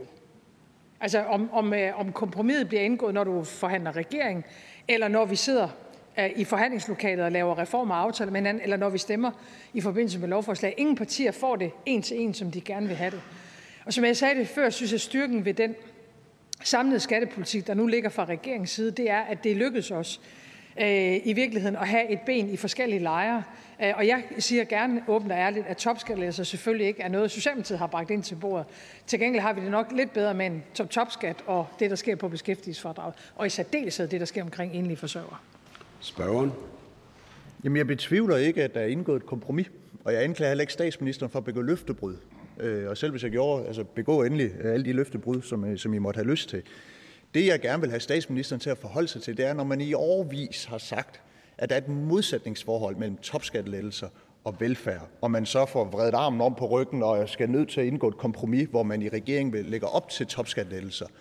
Betyder det velfærdsforringelser? Betyder det færre offentlige ansatte? Betyder det mindre tryghed? Eller har det bare hele tiden været en falsk dikotomi, en falsk modsætning, noget, der lød lækkert i en valgkamp, som kunne bruges til at vinde valgkampe, men man godt vidste, at det var noget vås? Står statsministeren ved, at der er det her modsætningsforhold? Og hvad kommer det til at betyde for danskerne? Og hvis ikke man står ved det modsætningsforhold, så håber jeg, at vi kan være fri for at høre på den slags i fremtiden og kan diskutere skattelettelser øh, mere savligt. Statsministeren. Jamen modsætningsforholdet kan da sagtens være der. Det kommer an på, hvordan man finansierer det jo. Altså, jeg har da set adskillige økonomiske planer fra forskellige politiske partier, hvor man har lagt op til store skattelettelser finansieret ved eksempelvis at skære ned på andre velfærdsområder eller ikke følge det demografiske træk, som uværligt, øh, eller i hvert fald med en stor sandsynlighed, øh, vil medføre forringelser for nogle udvalgte grupper i vores samfund. Så, så der kan være et modsætningsforhold. Og alting starter og slutter jo med, om man vil gøre samfundskagen større, øh, Øh, når man foretager ændringer, eller man ikke vil gøre det større. Fordi det er klart, at hvis man går ud og siger, der kan laves massive skattelettelser inden for den almindelige offentlige økonomi, som allerede er kendt, uden at, at gøre os dygtigere eller rigere på den ene eller på den anden måde, ja, så vil der da være en risiko for, når du så skal ud og finansiere det, at det vil betyde forringelser. Så med alt andet, så afhænger det af, hvordan man gør det. Øhm, og øh, der vil jeg da bare anbefale, at man gør det på samme måde som den her regering. Og vi siger tak til hr. Alex Vanopslag og går videre i spørgerækken. Jeg giver nu ordet til hr. Søren Pape Poulsen. Tak for det. Også i denne netop overståede valgkamp bliver der diskuteret klima, der bliver diskuteret slut med de lange sagsbehandlingstider, der bliver diskuteret, nu skulle vi gå fra mål og ord til handling. Det er jeg meget enig i, og øh, derfor var chokket selvfølgelig stort i går, da regeringen satte åben dør-ordningen i bero, altså investeringerne i den grønne omstilling. Jeg ser det som en bombe for den grønne omstilling, og vi kan diskutere nok så meget i det danske folketing, men hvis vi forhindrer øh, reelle investeringer, så har vi jo et kæmpe, kæmpe problem. Der lå over 15 gigawatt grøn strøm klar til at blive opsat. Og bare lige til sammenligning, så forventer vi, at Thor Havvindemøllepark den er på 1 gigawatt. Der var vi meget stolte af, da vi aftalte den i 2000 og 18. Vi har travlt. Vi har travlt med at udbygge vores vindenergi. Vi fik meget få møller stillet op bare det seneste år. Og hvis vi skal gøre os fri af russisk gas, hvis vi skal have styr på den grønne omstilling, have fart på den grønne omstilling, ja, så er tiden jo ikke til at sætte noget i, i bero, men til at komme endnu hurtigere videre. Og derfor vil jeg egentlig godt spørge, for det har været meget uklart. Har regeringen selv taget kontakt til EU-kommissionen og bedt om at se på et muligt problem? Eller har EU-kommissionen taget sagen op af egen drift? Vi har nemlig ikke set nogen papirer fra EU-kommissionen, der har sagt, at øh, det her skal I stoppe nu. Statsministeren. Ja, hvad der præcis er gået i, foregået i sagsbehandlingen, det kan jeg simpelthen ikke redegøre for. Det kan den ansvarlige minister. Men som jeg forstår det, så er det jo Energistyrelsen, som øh, er, er nået frem til, at det kan, være, det kan være i strid med EU-retten. Altså den åbne dør. Øh, og meget enig i det, alt hvad der er blevet sagt omkring grøn omstilling. Og det kan man, har man, Øh, og det synes jeg jo lyder rigtigt i mine ører, det kan man ikke bare sidde øh, overhøre. Øh, vi har jo en kæmpe fælles interesse i hele Europa, at vi får det her på plads så hurtigt som overhovedet muligt. Hele Nordsøen er jo Europas skatkammer, øh, hvad angår havvind. Øh, der er en grund til, at vi har lavet en Esbjerg-deklaration. At det er ikke ret lang tid siden, jeg stod sammen med kommissionen og en række statsminister fra, fra andre EU-lande og blev enige om, at vi vil altså, Øh, udvide kapaciteten og skabe meget mere havvind øh, i øh, først Nordsøen og efterfølgende i, i Østersøen. Så jeg kan sige, at vi sætter alle sejl til på havet fra regeringens side i forhold til at, at få fundet en eller anden form for løsning på det her. Og jeg har da tænkt mig selv at tage det op med, med kommissionsformanden, når jeg er til møde i Europæisk Råd i, i den her uge. Så vi, kan ikke være, at vi bliver ikke uenige om, at det her er en træls situation, øh, og at øh, vi skal gøre alt, hvad vi overhovedet kan, for at der bliver fundet en løsning så hurtigt som overhovedet muligt. Spørgeren. Ja, jeg er meget glad for, at statsministeren øh, tilkendegiver, at, at øh, hun selv vil sætte sig øh, front i den her sag, fordi jeg synes, det er Altså hvis vi kigger på, hvad det er for en udfordring, vi står overfor, så burde den her sag jo fylde det hele lige nu i bund og grund, hvis vi virkelig mener noget med den grønne omstilling. Og jeg er meget bekymret for, hvis man lige pludselig i en styrelse finder ud af, at vide, om det her er ulovligt, så inden man sætter alt i i bero eller stopper det, så synes jeg, at man skulle være sikker på, at det skulle stoppes. Altså, der ved jeg ikke, om statsministeren kan fortælle mig, om det er EU-kommissionen, der har bedt Danmark sætte behandlingen af de her projekter i stå, mens man undersøger sagen. Og det vil være den der klassiske danske dukseindstilling til tingene. Øh, og det forstår jeg så ikke. At hvorfor er den her ordning ulovlig i Danmark, når EU-kommissionen lige har godkendt en lignende ordning i Tyskland? Statsministeren. Jamen, det har jeg jo ikke nogen chance for at svare på. Øh, det er en ressortminister, der må redegøre for det, men jeg går da ud fra, at øh, formanden for det konservative Folkeparti er enig med den ansvarlige minister i, at hvis der er en hjemmelsudfordring et sted, at så skal man være ret transparent og åben omkring det øh, og søge at få det løst. Øh, og det er vel det, øh, som den ansvarlige styrelse øh, og, og efterfølgende den ansvarlige minister har sat sig i spidsen for. Øh, og så skal vi jo øh, få rettet op øh, på, på, på de problemer, der er, og få fundet en løsning. Men altså, jeg synes, det ville være lidt specielt, hvis jeg skulle stå som landets statsminister og sige, at hvis man konstaterer, at der måske er et problem, altså mangel på hjemmel, eller at man ikke overholder EU-retten, at, at, at så skulle man bare øh, være ligeglad med det. Altså det, det, det vil jeg jo ikke. Det vil går ikke ud fra formanden for det konservative folkeparti øh, mener. Øh, så, øh, så de konkrete spørgsmål man man ret til, til rette vedkommende, og så må vi sætte alt ind for at, at få fundet en vej igennem det af hensyn til Danmark, men jo altså i allerhøjeste grad af hensyn til den geopolitiske situation. Europa skal være fri af russiske gas og olie, og derfor skal vi have meget mere havvind. Spørgeren. Selvfølgelig skal man øh, holde loven, det siger, det siger sig selv. Jeg bliver bare bekymret, når andre lande kan gøre Øh, noget, og vi så åbenbart ikke kan gøre det, og at man lige pludselig i en styrelse finder ud af det efter flere år. Hov, øh, er der ikke lige noget her, vi skal tage op? Og det, jeg, siger, jeg kan bare ikke lade være med at sige, at det virker så typisk dansk det her med, skal vi ikke hellere stille os på den side, der siger, lad os endelig stoppe alting. Måske er der et problem her. I stedet for at kigge lidt, hvad gør vores øh, europæiske partnere? Vi, vi skulle vel gerne have samme betingelser, ellers så giver det jo, så giver det jo ikke nogen mening. Fordi det, jeg frygter allermest, det er jo, hvor ender vi? Hvilke investorer det hørte vi, hørte, de var jo ude alle sammen i går. Hvilke investorer har interesse i fremadrettet at bruge penge på den grønne omstilling Øh, i Danmark, hvis vi har et overforsigtighedsprincip i forhold til alle andre europæiske lande? Altså, hvad er det for et argument? Folk var jo bestyrtet i går. De var rystet over, at man stopper den her ordning, og det gør man ikke i andre lande. Og det, er det er jo bare det, jeg beder om, at statsministeren er opmærksom på. Jeg, jeg synes faktisk, det er så vigtigt, at, at øh, det, det skal man selvfølgelig holde øje, og en ressortminister kan svare på spørgsmål, men det må dog være sådan, at når det gælder situationen i Europa, den geopolitiske situation, vores sikkerhedspolitik, som det jo bund og grund er, at så er det jo ikke bare en accept af, at vi sætter sådan nogle projekter her i bero. Statsministeren. Jamen, jeg er fuldstændig og aldeles opmærksom på den her problemstilling, og jeg står jo ikke selv i Esbjerg for kort tid siden sammen med øh, ja, også den tyske kansler, statsministerkolleger, kommissionen, øh, og lægger sporene til øh, altså en mangedobling af havvindkapaciteten Øh, det gør jeg jo selvfølgelig, fordi det er i dansk interesse, men jeg gør det jo i allerhøjeste grad også, fordi det er i Europas interesse. Øh, og jeg mener, at alt må jo handle om nu at få fundet en, en løsning på det her, øh, så vi kommer videre med at få produceret al den havvind, som vores fantastiske havområde tilsiger, vi kan, både set med danske briller, men i allerhøjeste grad også med europæiske briller. Og vi siger tak til Søren Pape Poulsen. Jeg giver nu ordet til hr. Martin Lidegaard.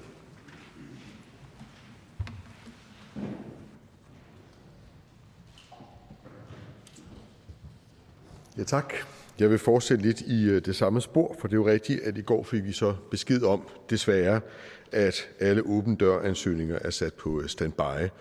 Men det er jo ikke den eneste kedelige meddelelse, vi har fået på det grønne område. Under åbningsdebatten i de dage kom det frem fra Energistyrelsens fremskrivning, at vi forventer 0 vindmøller sat op på land i de næste to år i Danmark. Og det kommer jo efter øh, to år, hvor vi heller ikke har øget antallet af megawatt på land i øh, Danmark af vindmøller. Faktisk lige siden statsministeren blev statsminister, har det stået stort set stille med udbygningen af landvind. Der er kommet noget sol, men slet ikke de mængder, der skal til for at nå de mål, vi har. Der er kommet lidt havvind, ting, der blev besluttet helt tilbage i 2012. Og derfor må man jo sige, at implementeringen af hele det vedvarende energiprojekt i Danmark, som er af afgørende betydning for både den grønne omstilling, førerpositionen for erhvervslivet på det her område, de økonomiske konsekvenser, øh, klimaet og ikke mindst vores sikkerhedspolitik som aftalt i det nationale kompromis, står, når det angår implementering, bumstille. Det går ud fra, at statsministeren, det kan hun også udtrykke for under åbningsdebatten, ikke finder tilfredsstillende. Og derfor er mit spørgsmål jo helt naturligt, hvad statsministeren har gjort for at ændre på den situation. Statsministeren. Ja, øh, tak for det spørgsmål, og det har vi jo haft øh, meget rig lejlighed til at diskutere i de lange regeringsforhandlinger, hvor øh, Radikale Venstre var med øh, meget af, af tiden, og hvor vi brugte meget tid på at diskutere den grønne profil for en kommende regering, øh, hele klimaspørgsmålet, og ikke mindst det, jeg tror alle er enige om, nemlig at nu har der været meget fokus på mål for klimapolitikken, hvad er vigtigt, og der skal vi hele tiden gå et skridt videre. Men i de kommende år er det øh, faktisk implementering, hvor kedeligt det end måtte, øh, hvor kedeligt det end måtte lyde, der bør være øh, omdrejningspunktet for, for en regerings arbejde og for Folketingets arbejde. Og det er præcis øh, det øh, opdrag, kan man sige, den nye klimaminister har fået, at nu skal alt sættes ind Øh, på at få tingene til at virke i, i virkelighedens verden. Og det er jo, hvad vi taler havvind, eller vi taler vind på land, eller vi taler anden form for, for, for bæredygtig energi, og øh, i det hele taget øh, også at få forstærket det europæiske samarbejde på det her område, fordi det er ikke kun os, der skal bruge mere vedvarende energi, det er også resten af, af kontinentet. Så helt enig i analysen. Øh, det er det, den nye klimaminister Øh, står i spidsen for. Øh, og så vil der jo selvfølgelig være en række sådan mere detaljerede spørgsmål, som jeg er sikker på, at klimaministeren gerne vil svare på. Spørgeren. Tak for besvarelsen. Altså, nu spurgte jeg øh, jo, hvilke overvejelser statsministeren havde gjort sig, og det, det skyldes to ting. Øh, vi har spurgt klimaministeren, hvornår den nationale energikrisestab rent faktisk begynder at virke. Den har til formål både at udbygge med mere vedvarende energi hurtigt og mere grøn, billig og sikker fjernvarme hurtigt. Svaret er, at det øh, med en heldig hånd, måske til sommer, får vi en energikrisestab. Og jeg ved ikke, om statsministeren kan høre, at der er sådan en anden modsætning i at have en energikrisestab, der virkelig skal i gang, gøre noget, få noget til at ske, implementere i år, og så kommer, bliver det måske implementeret inden sommer. Der er ikke sat penge af til den, så vidt jeg forstår. Og jeg har ved tidligere lejlighed haft lejlighed til at foreslå statsministeren, at man laver en eller anden form for fast track på højeste niveau i regeringen, ligesom man gjorde under corona, da det handlede om vacciner. Og jeg mener egentlig, at det her sikkerhedspolitisk rangerer på det niveau, hvor vi skal gøres fri af den gas, nu også af øh, sikkerhedspolitiske årsager. Og jeg havde derfor håbet på, at statsministeren også vil tage en aktiv rolle i faktisk at få gang i den implementering, netop fordi at jeg har hørt statsministeren være enig i, at det er vigtigt. Statsministeren. Det er øh, fuldstændig afgørende og nødvendigt, at Europa gør sig fri af Ruslands både gas og olie og også andre øh, energiformer. Og det er vi jo i fuld gang med i Danmark, øh, og har jo været det over en årrække. Altså nu lyder det som om, at vi er gået i stå. Det er vi altså ikke. Det var vi ikke under den øh, tidligere regering. Det er vi heller ikke i den her regering. Øh, og det er, jeg kan jo sige, altså regeringen forbereder, hvordan øh, den her Next, som i øvrigt er en radikal opfindelse, øh, præcis skal arbejde øh, og fungere, og hvad det er for nogle hovedprioriteter, der skal lægges ind i, i arbejdet. Så det er gået i, det er gået i gang. Øh, der, er ikke noget, der, der er ikke noget, der ligger stille, men det skal selvfølgelig forberedes og forankres på en ordentlig måde. Spørgeren. Jeg vil nok nødt til at sige, at statsministeren siger, at det ikke er gået i stå. Men der er altså ikke kommet noget ny landvind op i Danmark, siden statsministeren stort set blev statsminister, når man kigger på det samlede antal megawatt. Der er kommet nogle få nye op, og taget nogle gamle ned. Men samlet set har vi ikke fået mere landvind i Danmark. Og vi står ikke til at få det de næste to år, medmindre der sker noget. På sol har vi fået lidt mere, men slet ikke det største år. Fjernvarmen har i år taget, undskyld, 22, taget et nyk op, men slet ikke i det omfang, der er behov for. Så man kan ikke sige, at det står stille, men man kan godt sige, at implementeringsmæssigt har det faktisk stået stille. Og det er også derfor, jeg er lidt nysgerrig på, om vi kan forvente, at, at statsministeren engagerer sig. For jeg må sige, når jeg kigger på, hvad der er sket de første tre år, hvor statsministeren har været statsminister, så tyder det ud på, at der skal skubbes lidt på, også fra oven, for at der sker noget. Statsministeren. Jamen altså generelt engagerer jeg mig jo i alle relevante samfundsproblemstillinger, og den vedvarende energi øh, og vores øh, nødvendige uafhængighed øh, på energisiden, eksempelvis af Rusland, er jo det er selvfølgelig i høj grad klimapolitik, men det er jo også sikkerhedspolitik, som spørgeren også siger. Så jeg er selv engageret i spørgsmålet, men der vil selvfølgelig være nogle helt konkrete spørgsmål, hvor det vil være en klimaminister, der er bedre til at besvare øh, spørgsmålene. Og arbejdet med at lave den her nækst er altså i fuld gang. Og det afslutter spørgsmålet. Vi siger tak til hr. Martin Lidegaard. Jeg giver ordet til hr. Morten Messerschmidt. Tak formand. Tak statsminister for at stille sig til rådighed. Jeg tænker meget over, hvad vi skulle tale om. Øh, jeg tænker meget over det hver gang. Fordi nu synes jeg, vi har været lidt på kant af hinanden på det seneste. Eller, at der er jo nærmest ikke nogen i Danmark, statsministeren ikke har været på kant med. Både kirken og fagbevægelsen og oppositionen i Folketinget osv. Men derfor så tænker jeg også, måske skulle vi prøve at finde noget, vi kunne tale om, hvor vi kunne finde hinanden. Og en af de ting, som vi i hvert fald i valgkampen, i sådan små lyse stunder, kunne finde hinanden på, det var at skabe et arbejdsmarked, som i højere grad tager højde for vores seniorer, øh, større grad af fleksibilitet osv. Jeg så forleden dag på forsiden af, Berlingske Berlinske nogle beregninger fra Danica Pension, hvor man kan se, at stadig flere lægger til side for at kunne selvpensionere sig. Øhm, og udover at det skaber nogle økonomiske problemer for statsfinanserne, så giver det jo i hvert fald et billede af, at folk i Danmark, især når man nærmer sig 50'erne, 60'erne, begynder at tænke over at vægte familielivet, øh, fritidslivet meget højt. At man vil gerne sådan set forringe sin købekraft op igennem de produktive år, hvis man kan bruge det udtryk, for til gengæld at have noget mere familieliv og fritid, øh, når man kommer op og bliver seniorer. Det synes jeg, der er noget interessant i, og noget, vi skal eftersøge. Vi vil i hvert fald godt i Dansk Folkeparti være med til at skabe et arbejdsmarked, hvor man får mere grad af rummelighed og frihed, øhm, når man er måske i 50'erne eller en 10 år før man går på pension. Og vi talte jo i valgkampen om det her med at få lagt et, et loft over pensionsalderen, som jeg tror er, er enormt vigtigt. Øh, I hvert fald for nogle grupper, som kan se frem til først at kunne trække sig tilbage, når de bliver 72, 73, når folk har sådan fysisk hårdt krævende jobs.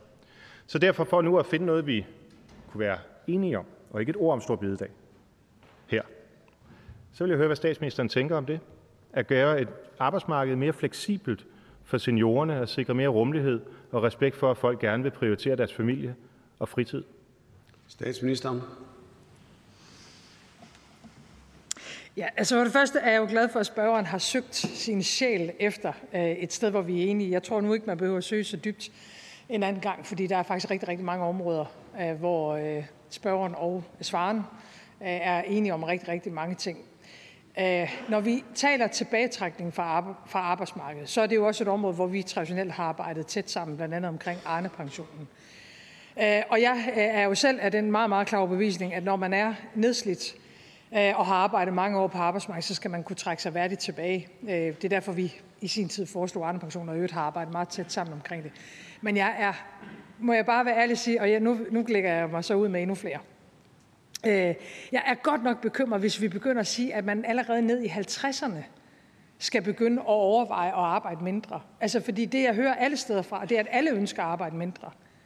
Og der må jeg jo bare være lyseslukkeren, eller hvad det nu hedder på moderne dansk. Altså hvis alle gerne vil arbejde mindre, og kravene til velfærdssamfundet bliver ved med at stige, så hænger det jo ganske enkelt ikke sammen.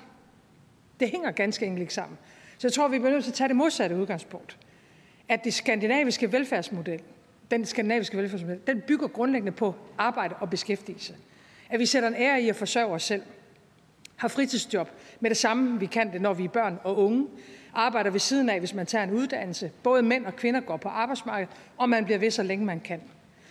Og hvis det er det, der er vores udgangspunkt, så har vi også frihed til at hjælpe dem, der af forskellige årsager ikke kan arbejde undervejs. Det er grundtesen. Begynder vi at afvige den, så falder det her velfærdssamfund fra hinanden. Det var det første, jeg vil sige. Det andet, og det er så et tilsavn. Jo mere fleksibilitet vi kan lægge ind i vores arbejdsmarked, jo bedre. Men, men ikke, altså, alle, jeg mener, altså, jeg er 45 selv. Altså, du spørger, begynder at pensionere mig. Altså, det er om fem år, jeg er i 50'erne. Ja, det vil spørgeren selvfølgelig gerne. Men, men selvfølgelig skal jeg jo ikke arbejde mindre om fem år, end jeg gør i dag. Der er man midt i livet. Men, men, men fleksibilitet, når man er rigtig senior, og det er jo langt senere end 50, det vil jeg gerne være med til at diskutere. Spørgeren. Men altså fakta er bare, at sidste år der var der 64.000 danskere over 60, som gik ud af arbejdsmarkedet før folkepensionsalderen og levede deres egen pensionsopsparing. Øh, for 10 år siden der var det 21.000. Så danskerne ønsker mere fritid, mere fokus på familierne. Og derfor er vi jo nødt til at gøre det modsatte af det, statsministeren lægger op til. Vi er nødt til at starte med at sige, hvordan gør vi så, at folk, også når de er 50'erne, 60'erne, 70'erne, synes, de kan få det til at passe sammen at være på arbejdsmarkedet. Nu forstår jeg, her i Københavns Kommune har man nu gået over til at lave en fire-dages arbejdsuge. Kunne det for eksempel være et vej at gå? Kunne man sige, at øh, i de øh, fem år op til sin folkepensionsalder, der får man et retskrav på over for sin arbejdsgiver at kunne få en tre-dages arbejdsuge eller to-dages arbejdsuge, for at gøre det mindre hårdt, men også for at gøre det mere attraktivt at være på arbejde. Kunne man lave nogle ordninger, for eksempel som vi lancerede i valgkampen med bedstes første sygedag, sådan at man har mulighed for at rent faktisk hjælpe sine forældre, bedsteforældre med på hospitalet eller lægen eller hvad det er, fuldstændig ligesom man har, når ens eget barn bliver syg. Altså kan vi gøre nogle ting, så vi ikke pisker og straffer folk til at skulle finansiere hamsterhjulet og velfærdsstaten osv., som selvfølgelig er vigtigt, men faktisk gør det attraktivt, rummeligt, så man både kan have et arbejdsliv og et familieliv hånd i hånd. Statsministeren. Jamen, det er meget interessant, fordi det er jo en reel værdidiskussion. Mm. Altså for mig er det jo ikke en straf at gå på arbejde. Ikke engang når jeg skal i folketingssalen. Øh, det er jo ikke at piske folk. Det er jo ikke at piske folk, at man skal kunne forsørge sig selv. Det er jo en af de, jeg ved jo, at øh, spørgeren har rødder øh, i den kristne tro. Altså det er jo en af de stærkeste protestantiske værdier, at man yder noget for det samfund, man er en del af. At i øvrigt også øh, en meget, meget central dansk værdi, at man gør sig umage. Øh, og, og øh, det er jo hele fundamentet, hvorpå vores samfund står, at vi går på arbejde, og øvrigt sætter en ære i at gøre det. Det er, ikke noget, vi, det, det er ikke noget, vi er pisket til. Vi vil gerne gå på arbejde. Vi vil gerne forsørge os selv. Og, det, og det, hvis vi begynder at fravige den måde at betragte os selv på som individer i et fællesskab, så krakelerer fællesskabet. Fordi vi kan jo godt få det til at lyde som sådan lidt abstrakt. Det handler om noget finansiering af et velfærdssamfund. Det er jo kraftbehandling, vi taler om. Det er kraftbehandling, vi taler om. Hvis ikke vi går på arbejde og betaler skat, så er der ikke, så er der ikke en ordentlig kraftbehandling. Og den ønsker vi jo. Øhm, så så jeg, jeg tror simpelthen, altså, vi bliver nødt til at forholde os til det her værdimæssigt. Sætte en ære i at gå på arbejde, og så skabe rum for, at når livet af den ene eller den anden årsag tilsiger, at man ikke kan arbejde så meget, som man har kunnet på andre tidspunkter, sygdom, alder, jamen, så skal det være så fleksibelt som overhovedet muligt. Men jeg tror virkelig, vi skal holde fast i og sætte en ære i at gå på arbejde. Spørgeren. Men jeg er nødt til at sige statsministeren, der er nok en grænse for, hvor meget hun kan bestemme over det her. Fordi folk vælger det selv. Jeg går ikke ud fra, at statsministeren vil ekspropriere folks pensionsopsparinger og sige, at de ikke må udbetales før tid. Det vil være et ret radikalt synspunkt, og det mente jeg ikke positivt. Øh, altså, det her det handler om at lave et arbejdsmarked, hvor folk kan se sig selv i det, og hvor de ikke føler trang til, inden pensionsalderen, at begynde at hæve deres pension hvor man rent faktisk kan se, at der er den skånsomhed, fleksibilitet i det, muligheden for at lade det gå hånd i hånd med et familieliv, sådan at folk bliver der og finansierer kraftbehandling, skoler, tilbagetrækningsordninger for de nedslidte osv. Det, jeg er bekymret for, det er, at statsministeren er så optaget af kun at sørge for, at folk arbejder mere og mere og mere, helligdage væk osv., effektiviteten i topsædet, og dem, der så har råd til igennem et langt arbejdsliv at lægge penge til side, de gør det så bare. De selvpensionerer fuldstændig uagtet hvad statsministeren måtte sige til dem. Men hvad så med dem, der ikke tjener nok? De kan så være en del af det hamsterhjul, som statsministeren mener skal finansiere det hele. Og der synes jeg og mit parti, at vi skal tale om, hvordan indretter vi et arbejdsmarked, sådan at folk ikke føler sig presset så hårdt, at de trækker sig ud af arbejdsmarkedet, inden de egentlig burde, men at fleksibiliteten til familieliv, til rettelæggelse af arbejdstiden osv. er der, og derfor har lyst til at blive længere. Statsministeren. Altså, nu kommer vi ind til noget, der er rigtig interessant. Det der var jo faktisk hele bevæggrunden for at lave Arne-pensionen. Det var jo, altså, og det tror jeg faktisk begge partier fremhævede dengang, at øh, dem, der har haft mulighederne, har altid selv kunne definere, hvornår de gik ud af arbejdsmarkedet. Det ønskede vi øh, to i fællesskab, at det skulle også gælde den nedslidte, ufaglærte og faglærte, som havde behov derfor. Så det er jeg meget, meget enig i. Og, og selve ideen med at tænke, at man skal kunne se sig selv i et arbejdsliv, også ind i seniortilværelsen, eller sågar ind i pensionstilværelsen, hvis, hvis det kan lade sig gøre. Det vil jeg gerne, meget, meget, meget, meget gerne være med til at diskutere.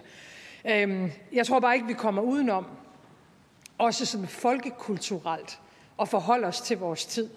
Øh, og i hvert fald have en ærlig snak om, at hvis det bider sig fast, det jeg kan fornemme er en del af den offentlige diskussion nu, at alt handler om, at vi skal arbejde mindre, så kommer det med en pris. Og så må folk jo også ædrueligt, gælder også her i salen, være med ind i en diskussion af, hvad er det så, vi ikke skal bruge penge på i det her samfund.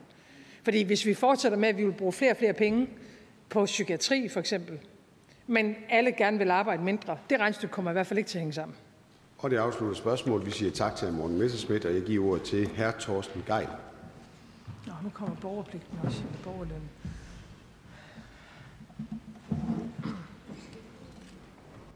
Tak, formand. I Alternativet er vi rigtig optaget af vand. Både ferskvand og saltvand. Både vandet i vores bække og åer og søer. Men også vores farvande, og ikke mindst de indre farvande og de danske kystnære farvande. Desværre kan man roligt sige, at kvaliteten af vores vand går tilbage alle vejen. Mange steder indeholder vores drikkevand sprøjtegifte. Til gengæld indeholder mange år kystnære farvande ikke længere fisk. Men i dag starter vi ikke i havet. Mit første spørgsmål går på en anden type vand, nemlig drikkevand. I valgkampen var vi i den rødgrønne blok enige om, at forureningen af det danske drikkevand skal håndteres nu. Ifølge statsministeren var det, og jeg citerer, næsten ikke til at bære, hvis os, der er her i dag, ikke sørger for, at vores børn og børnebørn får mulighed for at drikke rent vand. Derfor præsenterede vi i fællesskab i valgkampagnen et, et forslag om at frede 200.000 hektar jord for sprøjtegifte. Et enormt vigtigt skridt for vores natur, miljø og mennesker, og ikke mindst de næste generationer. Men siden da har noget ændret sig, for nu er forslaget forsvundet. Det findes simpelthen ikke i regeringsgrundlaget. På den baggrund vil jeg spørge, er der noget, der har forandret sig, siden statsministeren har ændret sin holdning til drikkevandet, og til, at vi bør gøre noget nu? Statsministeren. Ja, for det første er jeg meget enig i hele indledningen. Altså, vi lever jo øh, kvæg vand øh, som mennesker, vi skal passe øh, ordentligt både på vores drikkevand af hensyn til os selv, men jo i allerhøjeste grad også af hensyn til de kommende generationer. Også meget glad for Alternativs fokus på vores havområder, øh, med alt hvad dertil øh, hører, og det indgår jo også i, i, i regeringens ønsker på, øh, på naturområdet. Øh, jeg er absolut optaget af vores øh, drikkevand. Noget af det, vi talte om før valget, det var, at vi havde behov for en kortlægning af de steder, hvor øh, vores grundvand og vores drikkevand er. Øh, den kortlægning sætter vi i gang. Men regeringen siger så også, at der skal laves noget helt akut omkring øh, der, hvor boringerne er. Øh, og det arbejde bliver også sat i gang allerede nu. Så, så øh, jeg tror egentlig, vi i Folketinget er bredt enige om, at drikkevandet er jo noget af det guld, vi har i vores undergrund, og det skal vi passe rigtig, rigtig godt på. Spørgeren. Tak. Som jeg nævnte i min indledning, så er det ikke kun drikkevandet, der bør have vores intense opmærksomhed. Som statsministeren siger, så har vi også haft kig på vores øh, have og bunden i på havet, øh, som jo også er i utrolig dårlig stand. Til havs der graver vi enorme sandbanker væk, der skal bruges til anlægsprojekter. Vi dumper millioner og millioner af ton slam og mudder i vores indre farvande, med far for at forurene både havet og strandene. Hvis vi en dag fjernede alt vandet i havet, så tror jeg, vi ville få et chok. Vi ville se månelandskaber af død havbund med meget få områder med liv. Vi vil se kæmpe store krater med rådent vand fra gamle sandsugninger og marine lossepladser, der hvor der er dumpet millioner af kubikmeter mudder og slam. Apropos månelandskaber og en død havbund, så er det for nylig kommet frem, at en dansk virksomhed tjener penge på at aftage industrispildevand fra den norske olieproduktion for at rense det og genanvende det. Det betyder, at der ledes meget høje koncentrationer ud. Det har faktisk stået på i næsten 30 år. Der ledes meget høje koncentrationer af en lang række miljøskadelige hormonforstyrrende stoffer ud i Agersø fra Stisnes. Hvad er statsministerens holdning til, at vi i Danmark forurener vores nære farvande gennem behandling af andre landes olieaffald, og specielt i forhold til det her eksempel? Hvad tænker statsministeren om, at vores farvand er marin losseplads for den norske olieindustri? Statsministeren. Jeg tror, det er helt rigtigt at have fokus på, hvad det er for en funktion, havet har. Og det er rigtigt, at vores historie er jo fyldt med eksempler, hvor man tænker, man kan bare dumpe ting i havet, fordi ingen kan se det. Men det er øh, en meget, meget vigtig del af vores natur. Øh, den nye regering har jo besluttet, at vi vil have en rigtig naturlov i Danmark. Det er ikke mindst inspireret af SF, øh, som igennem længere tid har ønsket det, og som også har bragt det meget ind i de regeringsforhandlinger, der var. Øh, og når vi begynder at arbejde med en naturlov, så arbejder vi med biodiversitet, det siger sig selv, men vi arbejder også øh, med det, der sker i vores hav. Øh, fordi vi skal både have et, et øje på den natur, vi tydeligt kan se, men også den, vi ikke kan se. Så, så noget af det, som spørgeren er inde på her, er jo noget af det, der vil i min øjne være naturligt at have med ind i det arbejde. Spørgeren. Som vi plejer at gøre det i Alternativet, så kommer det sidste spørgsmål fra et medlem. I dag er det Fabian Forbert Hansen fra Alternativ til Unge, der spørger, hvad statsministeren mener om muligheden for at differentiere momsen på fødevarer. I Alternativet mener vi, at momsen burde være markant lavere på frugt og grønt. Det er en praksis, som er meget udbredt i Europa. Jo. Øh, vi mener, man burde halvere momsen på, på sunde grønne fødevarer, som vi med fordel kunne producere, sælge og spise flere af. En lavere moms på frugt og grønt vil være til fordel for, vores, for danskernes pressede økonomier i forhold til at få sund mad. Det vil være en fordel for folkesundheden. Så på den baggrund vil jeg på vores medlemsvejen spørge statsministeren.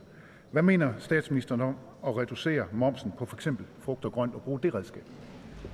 Statsministeren.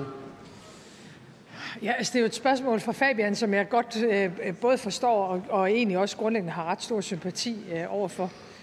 Øhm, så, så det er ikke fordi, jeg har en, en principiel modstand imod, at der var en differentiering af, af moms øh, Øh, på noget af det, vi gerne vil have, folk øh, køber mere af, og, og måske tilsvarende på noget, vi gerne vil have, folk køber mindre af. Så, og jeg er meget enig i forhold til inflation, øh, så vil det jo også være en direkte hjælp til de mennesker, der måtte kunne mærke meget og mest konkret på deres økonomi med inflationen. Som altid, så, så, så er djævlen jo i detaljen, nemlig hvordan skal vi finansiere det her, fordi momsen er jo en ret stor indtægtskilde til alt det andet, vi også gerne vil som samfund. Så inden vi går videre i diskussionen, så skal vi i hvert fald have en, øh, en snak om, hvordan det skal finansieres. I så fald, at, øh, at det var noget, man skulle øh, gå ned. Og det har vi ikke nogen plan om, fordi vi ved, at det har vi ikke finansiering til fra regeringens side. Men, men den anden del af mønten skal i hvert fald være med i overvejelsen. Og det afslutter spørgsmålet og spørgetimen. Vi siger tak til Torsten Geil, og inden vi går til næste og sidste punkt på dagsordenen, holder vi lige to minutters pause, så man lige kan få sig roteret, rokeret rundt i salen. Vi genoptager mødet om to minutter. Genoptaget. Sidste punkt på dagsordenen det er andenbehandlingen af lovforslag nummer L 26, forslag til lov om ændring af lov om institutioner for almen gymnasieuddannelser og almen voksenuddannelse med videre, og det er børne- og undervisningsministeren. Der er stillet ændringsforslag. Ønsker nogen at udtale sig?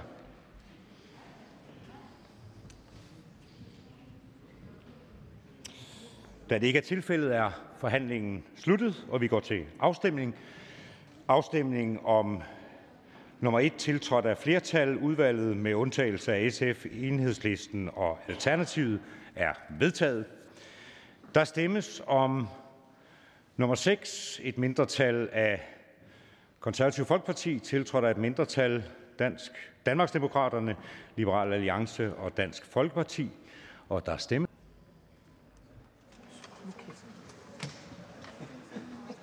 Afstemningen er afsluttet.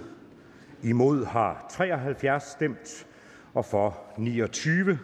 Det er forkastet. Ønskes afstemning, eller afstemning om nummer 7, den behøves ikke. Øh, hvad siger du? Nå, ja, det er rigtigt. Herefter er ændringsforslag nummer 4 stillet og tiltrådt af det samme mindretal. Det er bortfald. Undskyld. Øh, så er der afstemning om ændringsforslag nummer 7, tiltrådt af et flertal, udvalget med undtagelse af SF, Enhedslisten og Alternativet. Det er vedtaget. Og så skal vi stemme igen om ændringsforslag nummer 8, et mindretal af øh, Konservativ Folkeparti, tiltrådt af et mindretal, Danmarksdemokraterne, Liberal Alliance og Dansk Folkeparti, og der stemmes.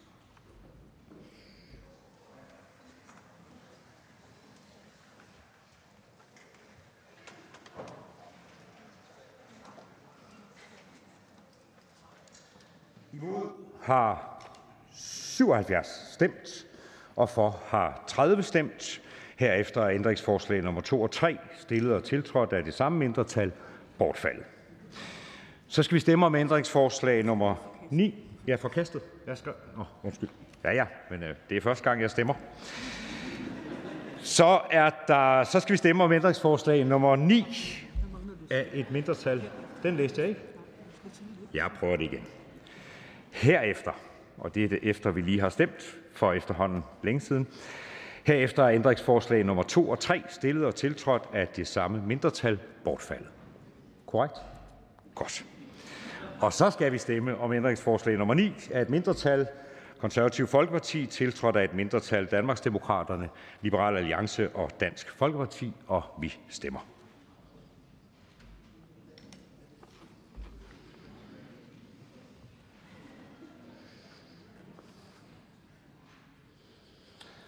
Og ændringsforslaget er forkastet med 75 imod og 30 har stemt for. Og herefter er ændringsforslag nummer 5 stillet og tiltrådt af de samme mindretal bortfaldet. Og vi stemmer igen ændringsforslag nummer 10 af et mindretal, Konservativ Folkeparti, tiltrådt af et mindretal, Danmarksdemokraterne, Liberal Alliance og Dansk Folkeparti, og vi stemmer.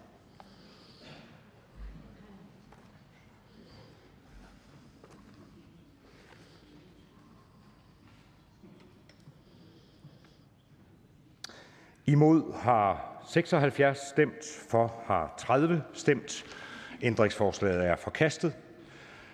Der er ikke afstemning, men ønskes afstemning om ændringsforslag 11 og 12, tiltrådt af et flertal, udvalget med undtagelse af Socialistisk Folkeparti, Enhedslisten og øh, Alternativet. Øh, det er vedtaget.